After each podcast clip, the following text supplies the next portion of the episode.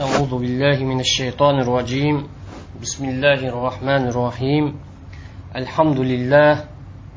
الحمد لله حمدا كثيرا طيبا مباركا فيه. وصلى الله على سيدنا محمد وعلى آله وصحبه أجمعين. أما بعد. الباب الأول. مباحث الحكم. birinchi bob hukmning tadqiqot temillari degan bob haqida to'xtalamiz birinchi bobda birisi hokim haqida ya'ni qonun yo'l qo'yuvchi alloh subhanava taolo haqida to'xtalamiz. Shundoqla mahkum mahkumdan maqsad inson haqida to'xtalamiz. Shundoqla hukm haqida to'xtalamiz. Birinchi bo'lim al fasl avval al hukm aqsam birinchi bo'lim hukm va hukmning turlari haqida to'xtalamiz. Birinchi bo'limning birinchi tarmog'i hukm degan nima degan gap va hukmniki asli turlari qaysi qaysilar معرفة الحكم الشرعي هو الغاية من علم الفقه وأصوله fiqh bilimdan va usul fiqh bilimidagi g'oyani o'zi shar'iy hukmni bilishdir lekin usul fiqh bilimi shar'iy hukmga qoidani qo'yib berish va shar'iy hukm yetkazgan metodni belgilash bilan kifoyalanadi fiqh bilim bo'lsa fiqh bilim bo'lsa fiqhni yakunlash va shundoqla usul fiqh ilmi o'ttirib qo'ygan qoidalarni tadbiqlash orqali chiqqan yakunlash e'tibori bilan muomil qiladi usuliylarning nazardagi hukmdan maqsad xitobullohi al mutaalliq bi afal mukallafin bil iqtido av taxyir av ilvod hukm degan usul fiq olimlarining nazarida insonlarning ishlariga talab qilish yoki ixtiyorlik berish yoki bir narsaga chetish o'xshash insonlarning ishlariga munosabatli bo'lgan allohning xitobidir hukm deganimiz allohning xitobi bo'lib insonlarning ishlariga munosabatli chetilgan xitobdir. Bu xitobni o'zi insonlardan yo iqtido talab qiladi bir ishni qilish qilmaslikni yoki ixtiyorlik beradi yoki bir ishni yana bir ishga chotadi. Iqtidoni ma'nosi talab ma'nosi qilish tarafim bor qilmaslik tarafim bor. Tahirni ma'nosi ixtiyorlik berish vazini ma'nosi bir narsani yana bir narsa chatish degan gap. Bu tonishtirishdan maqsad tuvandikicha endi xitobulloh degandan maqsad qur'oni karim maqsad. Xitobulloh degan ollohni so'zi edi. Qur'oni karim bevosita allohni so'zi. Ham shundoq bilan vas orqali bo'lganimi bu xitobullohdir. Ya'ni xitobulloh qur'oni karim desak bevosita allohni so'zi bo'ldi. Ham sunnat yoki ijmo va shundoq bilan usul fiqi o'tirib qo'ygan shar'iy dalilni boshqasimi? Bu vas orqali xitobullohdir. Chunki hammasi qur'oni karimga berib taqiladi. Masalan sunnat qaraydigan bo'lsak payg'ambar alayhissalomdan qonun chiqarish qonunni yo'l qo'yish e'tibori bilan sodir bo'lgan narsani sunnat deymiz. Payg'ambar alayhissalomning sunnatimi allohning so'ziga munosabatli ya'ni allohning so'zi bilan aloqasi bor. Chunki payg'ambar alayhissalomning sunnati allohning so'zini ro'shanlashtirib turdi bayon qilib turdi sunnatmi payg'ambar alayhissalom qilingan vahiydir mana buning dalili alloh taolo va ma yantiqu anil hava in huwa illa vahyu yuha. Payg'ambar alayhissalom havo emas. Kallasi kelgan bo'yicha og'zi kelgan bo'yicha so'zlamaydi. Payg'ambar alayhissalomning har bir so'zi vahiydir rasululloh qilingan vahiydan iborat unda bo'lgancha sunnatmi? Vahiyning bir turi ijmo kelsak ijmo bo'lish uchun qur'oni karim yoki hadis rasululloh tanish kerak. Ijmo bo'lish uchun qur'ondan yoki sunnatdan dalil bo'lishi kerak. Bu e'tibor bilan ijmoni o'zimi kalomullohni qatoriga kirib ketadi shundoq bilan boshqa shar'iy dalillarning hammasimi allohning xitobini echib allohning xitobini biz ko'rsatib bayon qilib ammo qur'oni karim sunnat bu dalilni isbotlaydi dalilni shakllantirdi paydo qildi. Ammo undan boshqa dalillar allohni xitobini bizga ro'shanlashtirib birdi shar'iy hukmni bizga namoyon qilib lekin hukm isbotlash huquqiy iqtidor bo'lmaydi. Al iqtido deganda maqsad talab maqsad deydi. Mayli qilish tarafi bo'lsin yo qilmaslik tarafi bo'lsin mutlaq talab maqsad. Bu yerda talabni o'zi ba'zi ilzom kaskin talab qilish yo'li bilan keladi yoki bo'lgan bo'lsa kuchlantirish talabi bilan keladi. Talabning o'zi kaskin talab qilish yo'li bilan keladi vojib haromga o'xshash yoki bo'lmagan bo'lsa tarjih kuchlantirish tarafi bilan keladi u mandub sunnat yoki makruh o'xshash. Tahyirdan maqsad bir ishni qilish va qilmaslik orasida ixtiyorlik berish degan bo'ladi. Tahyirning o'zida bir masalani yan bir masalaga yoki bir tarafni yan bir taraf kuchlantirish bo'lmaydi.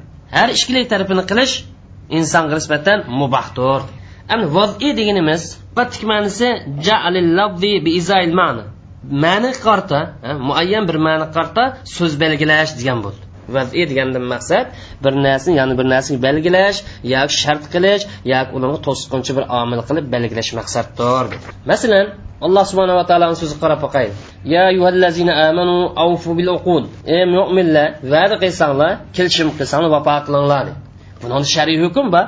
Chunki bu alloh subhanava taolo tarafidan kelgan xitob insonlarni ishlariga munosabatli xitob ya'ni bu yerda xitobni o'zi talab siyg'isi bilan va'daga vafo qilinglar unda bo'lgancha bu yerda xitobni o'zi amirning o'zi vojiblikni ifodalaydi yana alloh taoloni so'zi vala taqrabu zina innahu kana fahishatan va sa'a sabila. Zinoga yaqinlashib qolmanglar. Zino nachar qiliq nachar istil bu yerda shar'iy hukm bor.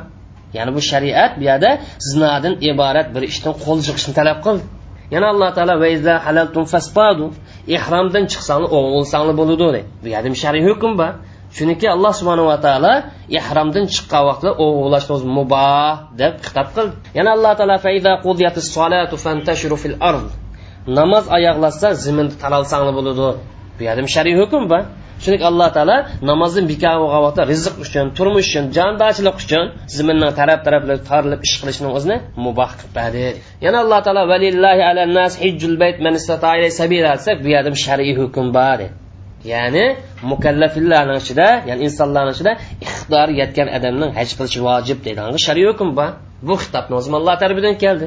Yana alloh taolo o'g'irlarning qo'lini kesinglar qilgan ishining tufaylidan o'g'irlarning qo'lini kesinglar o'g'irlik qilganlik uchun bu yerda shar'iy hukm bor. Chunki alloh taolo o'g'irlikning o'zini qo'lning kesilishiga sabab qilib belgildi dedi ma'lum hukm deymiz. Bir narsani yana bir narsa sabab qilganlik shart qilganlik. Ya'ni o'g'irlikning bo'lganligi qo'lning kesilishiniki sababidir. Yana alloh taolo aqimus solata liduluki shams. Quyosh qayrilgancha namoz o'qigin bu yerda shari yo'qmi ba? chunki alloh subhanava taolo bu yerda quyoshning qayrilganligini bishim namozniki vojib bo'lishini sababi qilib belgildi bu muvaddiy hukm endi payg'ambar alayhissalom rufi al qalam an thalas. Qalam uch narsa ko'tarilib ketdi. Ya'ni mas'uliyat uch narsadan ko'tarilib ketdi. Birisi uxlab qolgan odam uyg'ongan qadar mas'uliyat yo'q. Kichik bola balog'at yetgan qadar bundan mas'uliyat yo'q. Saroniz hushiga kelgan qadar bundan mas'uliyat yo'q. Bu shari shari deganimiz alloh subhanava taologa ham rasulullohga qarti yani payg'ambar alayhissalom tarbiyadan kelgan xitob ya'ni uyquning o'zi kichiklikning o'zi saronlikning o'zi taklif qilishdan cheklaydigan omildir deb belgilandi. Kichiklik uyqu saronlikni o'zi insonni taklif qilishdan to'salg'i bo'lgan omillardir. Endi usulshunos olimlarning nazaridagi hukmning tonishtirishidan ikki masalani bilishga bo'ladi birinchi kitobulloh deganimiz mukallabdan boshqalarni shu chetilib qolib qolib bu usulshunos olimlar nazar hukm deb qaralmaydi. Masalan alloh taolo o'zi haqida to'xtalgan kitob bo'lsa o'zining sifatlari o'zining zot haqini masalan vallohu bi kulli shayin alim alloh hamma narsani bilguchidir desa alloh o'zini tanishtirdi bu yerda insonlar bilan aloqasi yo'q bu kitobni. Endi alloh taolo jonsiz narsalarni yaratganlik aloqador qilgan kitob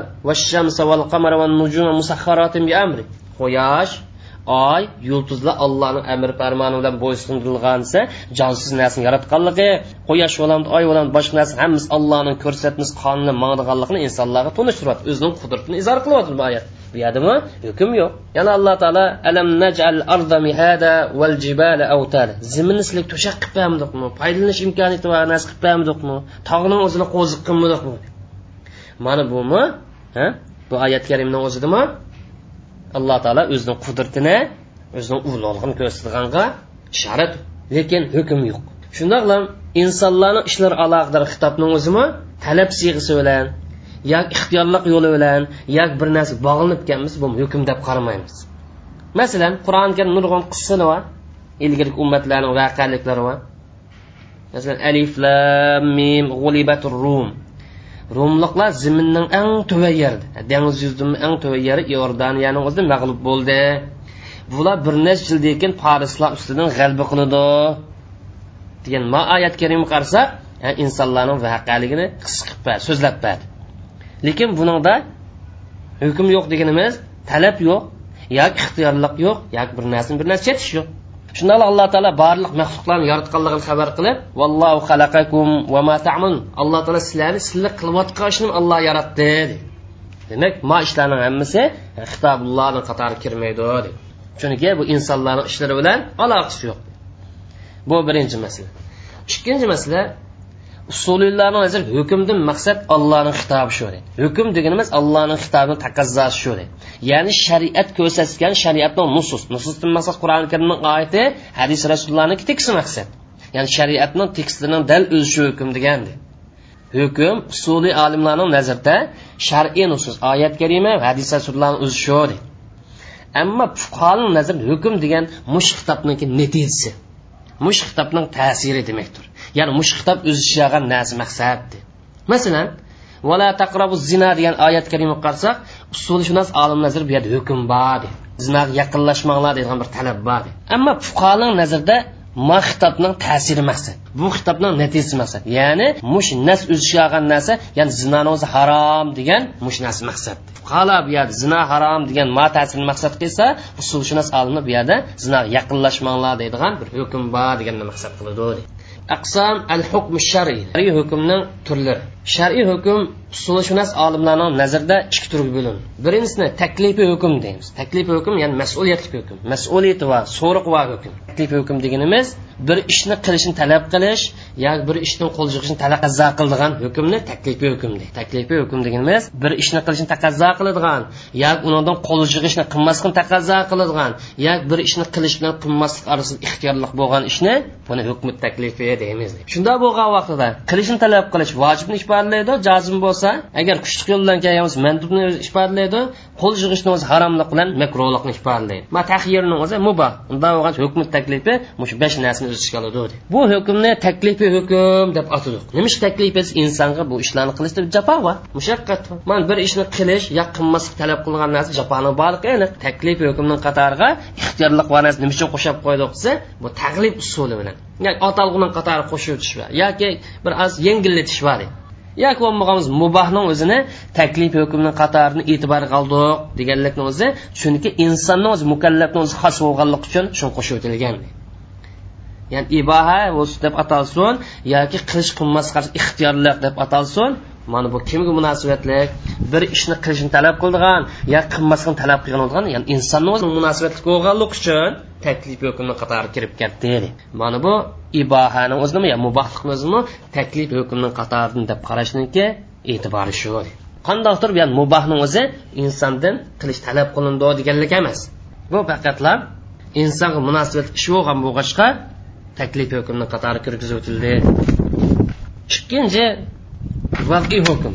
Vadiy hukm deganimiz bir narsani yana bir narsa sabab qilish yoki shart qilish yoki to'salg'i bo'lgan omil qilib belgilashdir. Nima uchun buni vadiy hukm deb belgilandi desa chunki ikki narsani bir sabab orqali yoki shart orqali yoki to'sqich bir omil orqali bog'landi. Bu yer bog'lanishni o'zi shariat tarafidan belgilandi. Ya sabab qilib belgilsin yo shart qilib belgilsin yo to'sqinch omil qilib belgilsin shariat tarafidan belgilandi ya'ni alloh subhanava taolo yoki rasulullohni o'zi mush ishni mush ishni sabab qilib belgilgan yo shart qilib belgilgan yo shuni to'sal bo'lgan omil qilib belgilagan buni misollari yuqorida o'taldi ham taklifiy hukm bilan vaziy hukmni nima farqi bor orasida desak taklifiy hukm deganimiz bir ishni qilish yo qilmaslik yo ixtiyorlik talab qiladigan narsani taklifiy hukm deymiz ammo vaziy hukm yuqorqi narsani hech qanday narsa ifodalamaydi.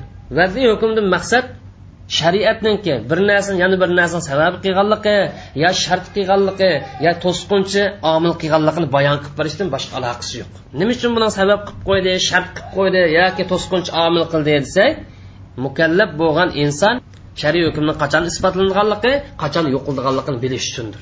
Buni bilgan vaqtida pokit ustida ibodat qildi ham pokit ustida ishlarini o'rinlashtirdi. Taklifi hukmdagi mukallab bi taklif qilgan ishni o'zi insonning imkoniyati bosh mayli qilish tarafida bo'lsin yo tarafida bo'lsin chunki taklifdan maqsad taklif qilingan insonning taklif qilingan narsa bo'ysunishi maqsad. Agar taklif qilingan ish insonning iqtidoridan sirtqi ish bo'lib qolsa bu vaqtda bu ishni taklif qilish ahamiyatsiz bir ishga aylandi ish shariat bu ishdan pokdir. Insonning kuchi yetmaydigan ishlarni taklif qilishdan pokdir. Shuning uchun islom shariatidagi mashhur qoidalardan birisi taklifni o'zi imkon etadigan ishni bor deb belgilangan. La taklif illa bi maqdur degan har qanday taklif insonni imkon etadigan ishni bo'ldi imkoniyat yetmasa bu ish taklifni qatoridan bo'lmay chiqib ketadi ammo vaziy hukm kelsak vaziy hukm insonning imkoniyat doirasi bo'lish shart qilinmaydi. Shuning uchun vaziy hukmni ba'zi insonning imkoniyati bor ba'zi insonning imkoniyati yo'q. Lekin yo'q bo'lsimi ya'ni ta'siri bor masalan insonning imkoniyati bor vaziy hukm misol qaraydi o'g'irlik qilish qo'lni kesishni sababi. Zino qilish rajm qilinishni sababi darrayishni undan boshqa jinoyatlar mushni o'zini qilaman desimi qila oladi qilmayman desimi qila oladi imkoniyati bor shariat mushlarni natijasini sabab qilib belgiladi. Masalan o'g'irlikni o'zi qo'lni kesishni sababi qilib belgilandi. Zinoni o'zida zinoxo'rni darrayishi yoki rajm qilinish uchun belgilandi. Boshqa jinoyatmi shunga o'xshash. Undan boshqa kelishim va boshqa qilmishlarni o'zimi shar'iy hukmning yo shar'iy nususniki sabablardir masalan bayini misolga olsak ilm satim misolga olsak bu igdorchilikning yo'tkilishdan sababi. Ilm satim bo'lgan yerda pulni igdorchiligi bizga mol mulkni igdorchiligi yana sizga yo'tkiladi nikohni misolga olsak er ayolni halollikning sababidir. Ikkili tarafning ustiga huquqniki bog'lanish chekilishning sababidir. Ham ikki shoidning nikoh qatnashganligi nikohning sog'lom bo'lish sharti. Tarifning o'zi namozning sog'lom bo'lish sharti. Shuning uchun guvoch bo'lmasa nikohingiz to'g'ri bo'lmaydi tarif bo'lmasa namozning to'g'ri bo'lmaydi. Endi merosxo'rning meros qoldig'i uchun o'ltirilishi merosdan cheklaydi. Meros oldigan odam meros qoldirib ketgan odamni o'ttirayotgan bo'lsa merosdan mahrum qiladi shunga o'xshash vasiyat qilingan odam vasiyat qilishni o'ttirayotgan bo'lsa vasiyatning ijro bo'lishiga to'sqinlik bo'ladi bu ishlarning hammasi insonniki imkoniyati va iqtidori va ishlarni qatoridir. Ya'ni shundoqlam mukallaf aql baliq inson mukallaf deganimiz aql baliq inson. Insonning iqtidori yo'q yoki insonning iqtidori yetmaydigan vaziy hukmni qatoridan ramzon aynan kelish ramzon ayining kirishi ramzonning vojibul sabab. Ya'ni inson ramzon ayni man bu vaqt keltirman palon oy surutiman kayniga deyish mumkin emas. Insonni imkoniyati yo'q quyoshning qayrilishi namozning vojibul sababi. Quyoshni qariyman yo qarimayman deyolmaydi tuqqanchilikning sababi meros tuqqan bo'laman bo'lmayman deyolmaydi mana bu sabablarni hammasi insonni imkoniyatida yo'q. Balog'at yetish boshqalarning bir odamga ega bo'lishning oxirlashganligi shart. Ya'ni balog'at yetgan bo'lsa boshqa odam dada so'lamni boshqalarni bundan igdorchilik qilish mazgili muddat oyoqlashib endi insonning to'g'ri ish qilishga to'g'ri ish qilaligidek o'zining ishini tepib qilaligidek bosqichga yetganlikni o'zi ba'zi faoliyatlarniki ba'zi qilmishlarniki ijro bo'lishi shartidir. Demak bu yer balog'atga yetish yoki rushd ishni joyida qilishni o'zi insonning imkoniyati yo'q ish. Men bo'laolay baliq bo'laolay balog'atga yetaolay yo ishni to'g'ri yo'ldan qilaolay yoki bo'lmaydi deb deyolmaydi otiliqni misolga olsak bumi dadini o'ttirishdan cheklovchi bir omil. Agar dada bolasi qasddan o'ttirayotgan bo'lsa oti bo'lganlik uchun ota o'ltirilmaydi saronliqni o'zi sarongni taklif qilishdan to'sqichi bir omil. Demak sarongni qilgan kelishimlari ilm satimlarni hammasi e'tibor qilinmaydi. Endi vasiyat qiling'uvchiniki vasiyat qilingan odam meros qurib bo'lib qolsa vasiyat uning ijro bo'lishdan cheklaydi. Ya'ni vasiyat qilingan odam meros olgan bo'lsa meros ilishni birinchi o'ringa qo'yamiz vasiyat e'tiborini amaldan qoldirmaymiz deydi ko'plagan olimlarning nazarida vasiyat qilingan odam meros qilib qolsa vasiyat ijro bo'lmaydi. Mush to'sqinchi omilning hammasi insonning imkoniyatida yo'q ishlar ikkinchi tarmoq aqsam al hukm taklif taklif hukmniki turlari usulshunos olimlarning mutlaq ko'p qismi taklif hukmni beshga bo'lgan. Ya'ni beshga bo'lgani vojib mandub harom makruh mubah bu jumhur olimlarning mazhabi shofiy maliki hambaliy mazhabnikilar taklif hukmni beshga bo'ladi ammo hanifiy mazhabda taklif hukmni yettiga bo'lin. Ya'ni yettiga bo'lishni o'zi farz vojib sunnat harom makro tahrim makro tanzi muboh deb yettiga bo'ladi ham taklif hukmning birinchi tarmiqi ijob deganimiz shariatning bir ishni keskinlik bilan talab qilishi ijob deganimiz shariatning bir ishni keskinlik bilan talab qilishidir. Mush ishniki mukallaf insonniki ish harakatiga ta'sirini o'zi vujub deymiz. Ya'ni inson osh ishni qilgan bo'lsa vojib ishni qildi deymiz. Qilingan ishni o'zi vojib deb ataladi ijob deganimiz shariatning bir ishni kaskinlik bilan talab qilish. Ham insonning ishilik ta'sirini vojiblik deymiz. Qilingan ishni o'zini vojib deymiz. Ikkinchisi mandub deganimiz bu shariatning bir ishni kaskinlik bilan talab qilmay balki kuchliroq e'tibor bilan talab qilishidir. Yani mandub degan sunnat degan gap endi bu insonning ishilik ta'sirini nadbi deymiz. Talab qilingan yoki amaliy qilish talab qilingan ishning o'zini buni mandub sunnat deymiz. Mandub desak sunnatni ham mustabni o'z ichiga olib uchinchisi tahrim. Tahrim degan shariatning tahrim degan shariatni bir ishni qilishdan kaskinlik bilan qo'l yig'ish talab qilishidir. Ya'ni shariatning bir ishni qilmaslikni kaskinlik bilan talab qilishi bu ishning insonning ishilik ta'sirini haromlik deymiz. Yoki harom bo'lish deymiz. Ham tashlash talab qilingan ishni o'zini harom yoki muharram deb ataymiz. To'rtinchi karoha deydi karoha degan shariatning bir ishni kuchliroq yo'l bilan qilmaslikni talab qilishidir bu karohaning mukallafning ishilik ta'sirini karoha deb ataymiz. Am qilmaslik talab qilingan ishni o'zini makro deb ataymiz. Beshinchi iboha iboha degan shariatning inson bir ishni qilish qilmaslik orasida ixtiyorlik bir degan gap. Birisini yana birisini kuchlantirmay bir ishni qilish qilmaslik orasida ixtiyorlik bir degan gap. Am ibohaning insonni ish ta'sirini iboha deb ataymiz. Inson ixtiyorlik bilgan ish harakatni o'zi muboh deymiz. Bundan shuni bilish bo'ldiki qilish talab qilingan ish ikki. Vojib ham mandub sunnatdir. Endi qilmaslik talab qilingan ishning o'zi harom va makruhdir. Endi qilish qilmaslik ixtiyorlik berilgan ishning o'zi bir bo'lib bu mubahdan iborat biz tuvanda mush yuqori turlarning har birisi haqida aloyid to'xtalamiz taklifi hukmning birinchi turi vojib haqida vojib degan nima? Vojib degan nimadan iborat vojib degan shar'iy jihatdagi ma'nisi shariatning bir ishni kaskinlik bilan talab qilishi edi vojib degan shariatning bir ishni qilishni kaskinlik bilan talab qilgan narsa vojibdir vojib deganimiz shariatning bir ishni kaskinlik bilan talab qilgan ishidir. Vojibni tashlagan odam ayblundi tashlaganlik uchun jazo bor. Qilganlik uchun mukofot bor. Madhiylash bor qilish bilan birlikda savob bor. Bir ishniki tahattum kaskinlikni talab qilinishi yoki luzum lozim bo'lishi bu talab siyg'isini ilindi bir ishni vojib deb kaskinlik bilan talab qil desak bu nadan bilamiz desa buni talab qilish siyg'isidan usuldan bilamiz masalan buyruq siyg'isi hech qanday qarin alomatdan xoli kelgan bo'lsa vojib qilish barlaydi yoki bo'lmagan bir ishni qilmagan bo'lsa jazo belgilangan bo'lsa bu ishni vojib qilish masalan namoz o'qish masalasi. Ota ona yaxshilik qilish kelishim tuzgan bo'lsa kelishimga vafo qilish. Bu ishlarning hammasi vojib ishdir. Shariat insonga mas'uliyatni ortgan vojib ishlarni qatoridandir. Buni qilmay qolib qolsa bunaqa jazoni o'zini shunga chap deydi vojib deganimiz jumhur olimlarning nazarida ya'ni maliki shofiy hambali mazhabda farz bilan bir ma'nodashgan vojib desak farz degan bo'ladi vojib bilan farz jumhurning nazarida hukm jihati bo'lsin ma'nis jihati bo'lsin farq etmaydi o'xshashlar. Har ishkilisi qilish talab qilingan qilish kaskinlik bilan talab qilingan ham qilmay jazolangan ish qartildi ammo hanifiy mazhabda hanifiy mazhab farz bilan vojibni orasini farqlantirdi. Dalil e'tibori bilan farqlantirdi. Qilish talab qilingan dalil e'tibori bilan farqlantirdi.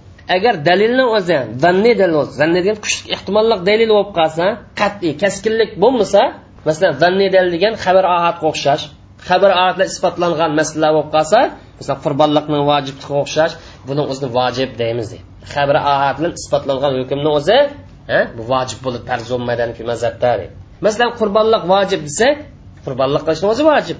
Hamda dalilni o'zi kaskin bo'lsa ehtimollik yo'q ya'ni aniqlam ufqumini mafhumini biladigan bo'lib qolsa masalan qur'oni karimda namoz o'qinglar degan buyruqqa o'xshash kaskinlikni ifodalaydigan bo'lib qolsa bu ish harakatni o'zini yoki bu masalani o'zini farz deb ataymiz deydi hanifiy mazhab.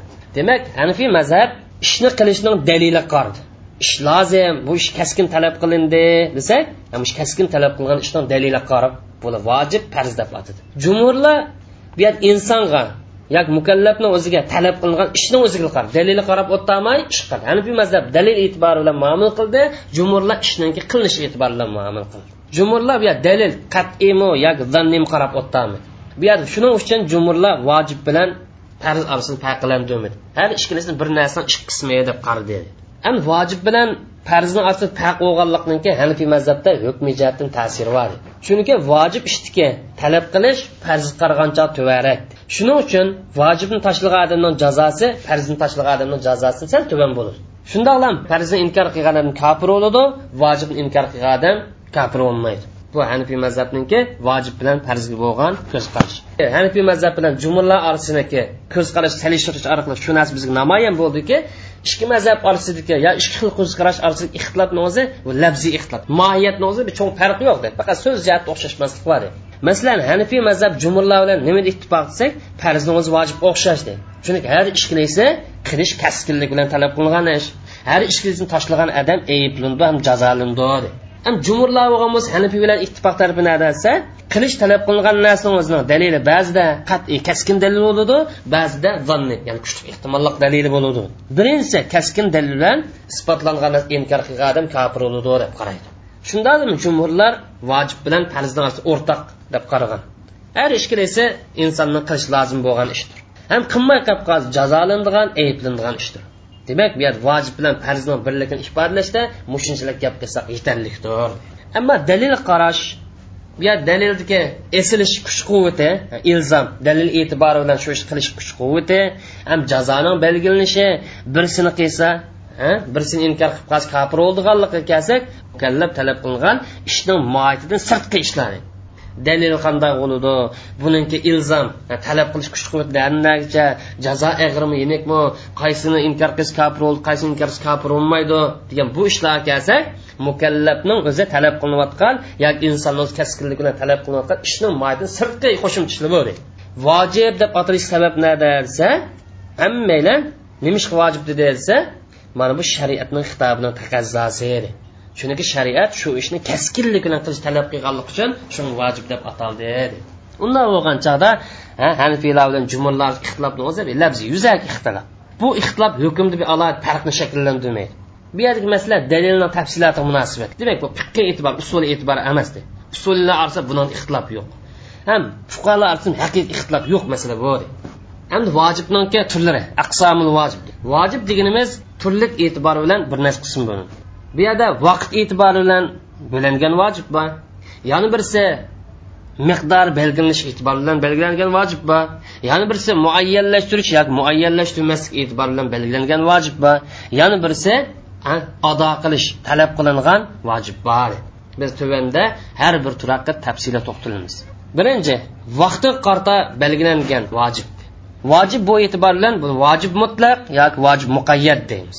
Vojib mutlaq degan vojib muvassa degan o'xshash gap. Vojib muqayyatni o'zi vojib muzayyaq degan shu. Yoki vaqt kangli vojib yoki vaqti tar vojib degan bo'ladi. Endi mutlaq vojib deganimiz shariat qilishni talab qilgan ish. Shariat bir ishni qilishni talab qildi lekin muayyan bir vaqt bilan buni cheklanib qo'yib qo'ymadi. Shuning uchun mukallab bo'lgan inson buni qachon xolis qilsa bo'ladi? Adolam qilsam gadimdan gunoh saqit bo'ladi. Ado qilish bilan bu odamniki mas'uliyati tugaydi. Kechiktirib qilib qo'ysa gunoh bo'lmaydi. Lekin ado qilish oldirig'ini yaxshi. Chunki ajalning qanday keldig'ini qachon kelganini qilinmaydi inson qachon o'lib ketganini bilmaganligi uchun tezroq qilgani yaxshi. Bu vojib mutlaqning turdik misolni olsak ramzonni qazosini qilish bilasiz. Bir odam yo'lliq o'zini orqali ramzonni buzgan bo'lsa yoki eg'iz ochgan bo'lsa bu odam shu qo'ldan ketgan ramzon qachon xolis ado qilsa bo'ladi. Muayyan bir yilni o'zi cheklaylik emas. Masalan hanifiy mazhabdagi fuqaroning ko'z qarashi bo'yicha shu yilni o'zi qilish emas qaysi yilda ado qilaman ado qilsa bo'ladi. Bir odam qasmini buzib qasmini buzganlik uchun vojib bo'lgan kapporat masalasiga kelsak bu kapporatni o'zini qasamni buzgandan keyin bevosita kapporat basim bo'ladi yoki bir mazgil o'tgandan keyin basim bo'ladi. Ixtiyorlik vaqti cheklanlik emas. Hajga o'xshaydi ham hajni o'zini desak imkoni yetgandan kechiktirib qilsin bo'ladi. Darhol qilish vojib emas. Buni hajni qaysi vaqt qilaman desa qilsa bo'ladi? Bu yuqorqilari mutlaq vojibniki yoki vojib muvassaniki misollar an vojib muqayyat deganimiz shariat qilishni talab qilgan lekin ado qilishga qilish muayyan vaqt belgilab qo'ygan ishlarni vojib muqayyat yoki vojib muzayyat deb ataymiz masalan besh vaqt namoz. Besh vaqt namozni vaqti belgilaylik qachon qilmamiz qilinmaydi ramzon tutish masalasi. Ramzonni kirgan oyni o'zida tutamiz oldigan sugunilmaydi shuning uchun ramzonni va besh vaqt namozni belgilangan vaqtidan ilgari ado qilish to'g'ri emas. Kechiktirib qo'ysa e, o'zirsiz kechiktirib qo'yish gunoh bo'ladi. Shuning uchun buni cheklamalik vojib yoki tar vojib dedi muqayyat vojib ilzom bu keskin talab qilish ish harakatni o'zi vaqtni o'zi qartilgandi ish harakatni o'zimi muqayyat belgilaylik ham vaqtni o'zini belgilaylik. An mutlaq vojibga ilzom keskin talab qilish ish harakatni o'zi bilan ishni o'zi qilinsin bo'ldi lekin muayyan vaqti yo'q buni mukallab bo'lgan inson vojibni o'z vaqtida mukammal to'liq shaklda ado qilsa buni ado qilish deb ataymiz. Belgilangan vaqtimiz bir ishni kam qilib qo'ya ikkinchi qatim qaytilab to'liq qilgan bo'lsa bu ishni iada qayt qilish deb ataymiz. Endi vaqti chiqib ketgandan keyin qilgan bo'lsa ado qilgan bo'lsa bu ishni qado deb ataymiz. Bu yer ado iada qado degan uch atalg'ini orasida farq bor deydi. Vojibning ikkinchi turi al vojib bin nazar ila taqdirihi va adami taqdirihi. Vojib hajmining belgilanishi miqdorining belgilanishi belgilanmaslik e'tibori bilan ikki turga bo'lindi. Belgilangan vojib shariat belgilagan farzni hammasi shariat belgilagan farzni hammasi vojib muhaddadni qatorida hammasi belgilaydi masalan namozni rakat zakotniki masalasi ramazon masalasi o'xshash ya'ni vojib muhaddad deganimiz shariat muayyan belgilanlik miqdorni ko'rsatgan narsa muayyanlashtirgan narsa. Masalan zakot masalasi zakotning qanchalik berilganlikni miqdori ana anan keyin sotib olgan narsani pul necha pul pul to'laydiganligimiz bir narsa sotsak necha pul sotadiganligimiz diyat masalasiga o'xshash bu narsalarning hammasi belgilangan bo'lsa buni vojib muhaddat deymiz chunki zakot sotib olgan sotgan narsalar diyatni hammasi belgilangan miqdori vojib muhaddat mas'uliyatga bog'liq. Ya'ni gardandan tushib ketmaydi. Saqit bo'lmaydi buni o'zi. Bu gardanda turaverdi buni o'zi. Buni qozining hukmiga yoki o'zaro rozi bo'lish qarab o'tmay talab qilish to'g'ri deydi zakot aylash bo'lib qolsa zakot berish to'g'ri gap qolsa qozining hukmi rozi bo'lishga munosabati yo'q. Farz ishlarni qilishni o'zimi sot bilan aloqasi yo'q. Bu gadandagi mas'uliyat bu. Chunki bu ishning o'zi o'zi belgilaylik ish. Insonning mas'uliyati mushni shariat belgilagan yo'linish bo'yicha ado qilmasa mas'uliyat ado bo'lmaydi. Mas'uliyati turaverdi bu deydi ado qilmoqchi. Endi vojib g'ayr muhaddad belgilangan vojib deganimiz ya'ni shariat miqdorini belgilamagan vojib. Boshqa masih qilishga o'xshash. Boshqa masih qilish belgilanmadi. Lekin qilish vojib. To'rtdan biri qilamdi hamma yeri qilamdi yoki ozroq qilamdi qilish lozim. Ya'ni bir misol alloh yo'lida nafiq berishga o'xshash. Zakotdan boshqa allohni yo'lida yaxshilik qilishga o'xshash. Bu vojib g'ayr muhaddadni misol? Allohni yo'l yaxshilik qilishni cheklamasi yo'q. Bu muhtoj odamni ehtiyojiga ham yaxshilik qilmoqchi odamni ixtiyoriga munosabatli masala. Qaysi bir odamga kambag'alni ehtiyojini qondirish to'g'ri kelsa bu odamga cheklimsiz holatda bu vojib yordam berish. Bu odam bu kambag'alga e, kuchini yetishicha yoki uni ehtiyoji qandoq yordam berish kerak. Yana vojib g'ayr muhaddidni misoli yaxshilarda hamkorlashish bu vojib belgilangan yaxshilikni turi kamir narsa doirasi yo'q. Ham yaxshilikni taavun al bir deydigan mushuni turini belgilaydigan narsa yaxshilikning turidir mukallab bo'lgan inson mush yaxshilikni borliq keltirishga qatnash hamkorlash lozimdir an vojib g'ayr muhaddad bu gadan qazulab turmaydi vojib muaddatni o'zi gadan qazulab turaverdi vojib g'ayr muhaddadni o'zi gadanda qazulab turmaydi shuniki gadan qazulab turadigan narsa belgilangan bo'lishi kerak. Ammo belgilanmagandan qaz emas. Shunaqa asosan hukm chiqishdan sotdan hukm chiqishdan ilgari erning gadini ayolning nafaqasi isbotlanmaydi. Sotdan hukm chiqishdan ilgari yoki o'zaro puchishib rozi bo'lishdan ilgari ba'zi fuqaroning nazarida o'xshash ayolning nafaqasi erning ustida isbotlanmaydi. Shuniki sotdan hukm chiqarishi ilgari yoki o'zaro puchishdan ilgari ayolning nafaqasini ko'tarish erning ustida vojib ish emas ba'zi fuqaroning nazarida shuning uchun bu gadanda ta'zirlab isbotlanmaydi. Demak qozi hukm chiqarishda ilgari muddatda yo kutishda ilgari muddatda qolib qolgan nafaqasini talab qilish to'g'ri emas. Yana bir biri fuqaroning nazarida shofiy boshqalarga o'xshash ayolning nafaqasi erning gadini qazilab turaverdi. Ya'ni er nafaqa berishdan qachon to'xtab olgan vaqtdan tortib erning ustida qazilab turaverdi. Chunki bu nafaqa berish shofiy mazhabda vojib muhaddad belgilangan vojib. Buni belgilanishi narsa erning ahvoli qaraymiz erning ahvoli yaxshi bo'lsa jiqroq burdi agar kambag'alroq bo'lib qolsa o'z vaqtlarida nafa burdi shuning uchun ayol qozi sud chiqarishi ilgariki yo tutishdan ilgari o'tab ketgan muddat qolib qolgan nafaqasini talab qilish bo'ladi. Ya'ni er nafaqani damay turib olgan vaqtdan tortib talab qilish huquqi bor. Mana bu islomning bu ko'zqarashini iroqning shaxsiy ahvollar qonuni sakson sakkizinchi moddasida qo'llangan. Endi vojibning uchinchi turi al vojib bin nazar ila taayyunil matlub va adam taayyuni. Vojibning uchinchi turi talab qilingan narsaning muayyanligi va muayyan emasligi haqida. Vojib bu e'tibor bilan ikki bo'lim. Muayyan vojib va muayyan bo'lmagan vojib. Muayyan vojib deganimiz shariat aynan talab qilgan ish. Insonga ixtiyorlik bermay mush ishni qilasiz deb aynan ko'rsatib bergan ish. Bir necha ishlar orasida shariat inson ixtiyorlik bermay aynan ko'rsatib qo'ygan masalan namoz o'qish aynan vojib. Ramzon tutish har birimiz aynan vojib. Boshqadan mol mulkini bo'lib olgan bo'lsa mush mol topilgan bo'lsa qaytarib berish u aynan vojib. Bu turdagi vojib muayyanning hukmi bu yerda gadandan saqit turmaydi shu ishni o'zini qilmasak gadandan saqit turmaydi an vojib g'ayri muayyan muayyan bo'lmagan tayinlanmagan vojib deganimiz shariat talab qilgan ish. Lekin shu narsani dal aynan talab qilmaydi. Bir necha ishlarni birisini qilishni talab qilgan ishni vojib g'ayri muayyan deymiz. Ham bu mukallab bo'lgan inson shu ishlarni shu vojibni ado qilish uchun qaysi bir ishni tanlasa bo'ladi bu vojib ikki kishidan birini qilish bo'ladi ham bu mukallab odam birini tanlasa bo'ladi ikki kishidan birisini. Masalan misol olsak urush esirib tushganlar haqida alloh taolo mundoq deydi. Hatto iza asqantumuhum bularni qattiq yorlandirgan bo'lsanglar. Asirga o'zini yorlandirganlarni o'zini sizlar shu obdan bog'langlar dedi urush tukkicha bu obdan tutib turinglar dedi urush tukkandan keyin yo yaxshilik qilib baka qo'yib o'tinglar hech qanday narsa olmay yoki bo'lmagan mospida yo pul ilinglar yoki musulmon asirlar bilan almashtiringlar dedi demak bu yerda urush asirga tushganlarda ikki xil ixtiyorlik bor yo qo'yib yotsak bo'ldigan yoki to'lamasak bo'ldigan ham bu yerda imomni o'zi hokimni o'zi qo'mondonni o'zi asir yaxshilik qilib yotsin ixtiyori yoki boshqalar bilan almashtirsin ixtiyor ba'zida muayyan bo'lmagan vojib uch ishdan birisini qilish taqazzo qiladi masalan qasamning kapporati o'xshash. Qasamdek kaparat qasamni buzgandan uch ishdan birini qilish kerak. Yo o'n miskinga tomoq qo'yasin yo o'n miskinga kiyim kiygizsin yo pul azob qoni qilsa ixtiyor puchining yetishicha qoni qilsa bo'laveradi muayyan birini qilsangiz deydiganga cheklama yo'q. Ammo uch ishni qaysi birisini qilolmay qolib qolsa bu vaqtida vojib qasmini buzgandan uch kun ramzon tutish kerak. Ba'zanlar bu vojibni vojib muhayyam ixtiyorlik berilgan vojib deb atadi chunki bu yerda mukallafni o'zi ixtiyorlik berilgachga buni vojib muhayyar deb atsak bo'ladi deb ataganlar bor vojibning to'rtinchi turi ayni vojib kifoya vojib degan e'tibor bilan ikki turga bo'lindi vojib ya talab qilinish e'tibori bilan e, vojib ayni vojib kifoya deb bo'lingan vojib ayn degan farz aynni o'zi vojib kifoya degan farz kifoyani o'zi farqi yo'q. Vojib ayn desak farz aynni o'z ichiga oldi vojib kifoya desak farz kifoyani o'z ichiga oldi vojib ayni deganimiz kaskin talabni o'zi har bir insonni o'zi har bir mukallafni o'zi qartilgan narsadir. Ya'ni shariat har bir odamdan alohida paydo bo'lishni hosil bo'lishni talab qilgan ish.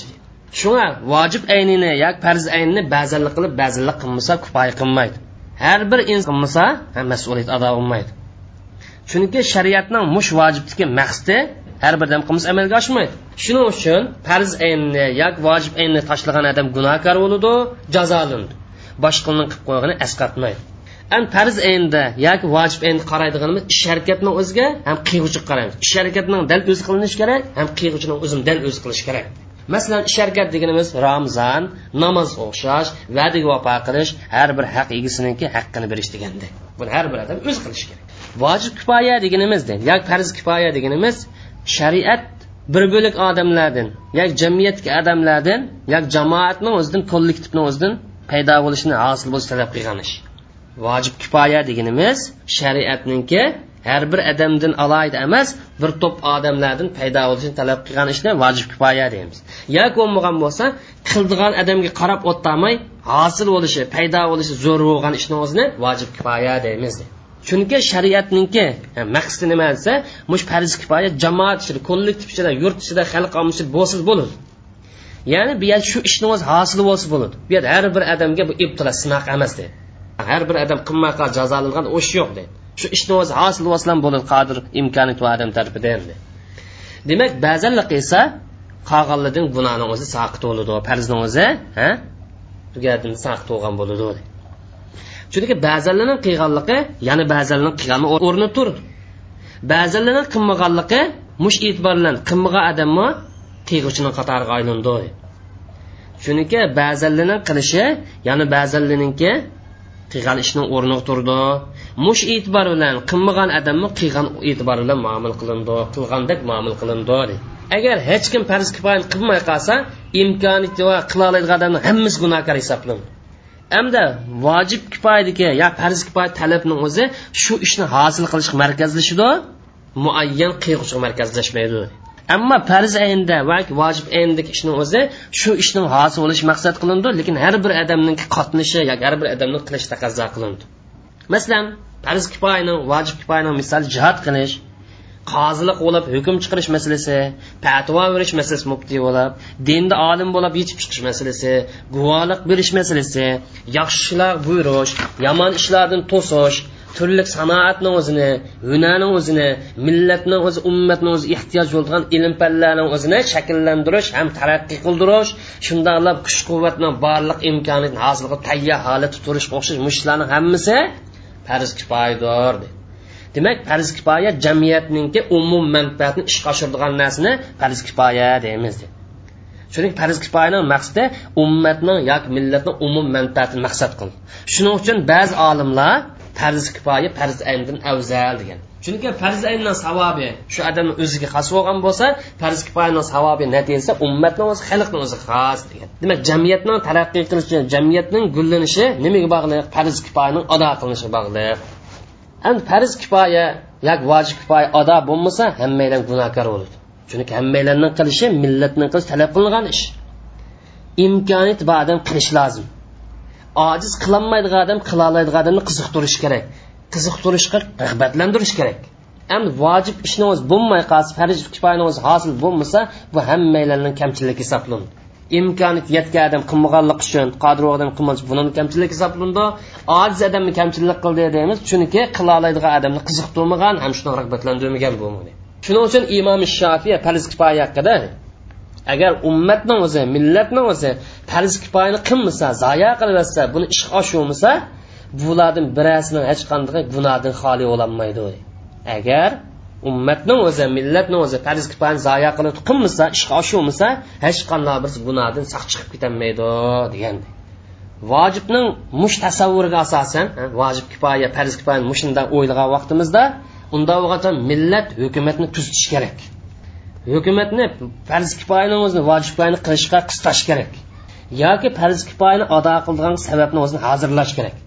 Chunki hukumat millatning vakili. Umum manfaatni qo'lga keltirishda ishga oshirishda ummatning vakili. Ham shundoq ham hukumat degan farz kifoyaniki jafo mushaqqatni qilish imkoniyat topiladigan narsa shuning uchun hukumat mush kamchilik qilsa ummatning hammasimi ijro qilish hukumati bilan birlikda gunohkor bo'ldi. Millatning hammasi hukumat bilan qo'shib gunohkor bo'ldi. Ham ummat millatimiz gunohkor bo'ldi deganimiz nima uchun desa hukumatni farz kifoyani qilishga rag'batlantirmaganlik shuni qistamaganlik uchun. Hukumatni o'zi o'zining ustidagi imkoniyatni qila oladigan turg'ini qilmaganlik uchun u gunohkor bo'ldi.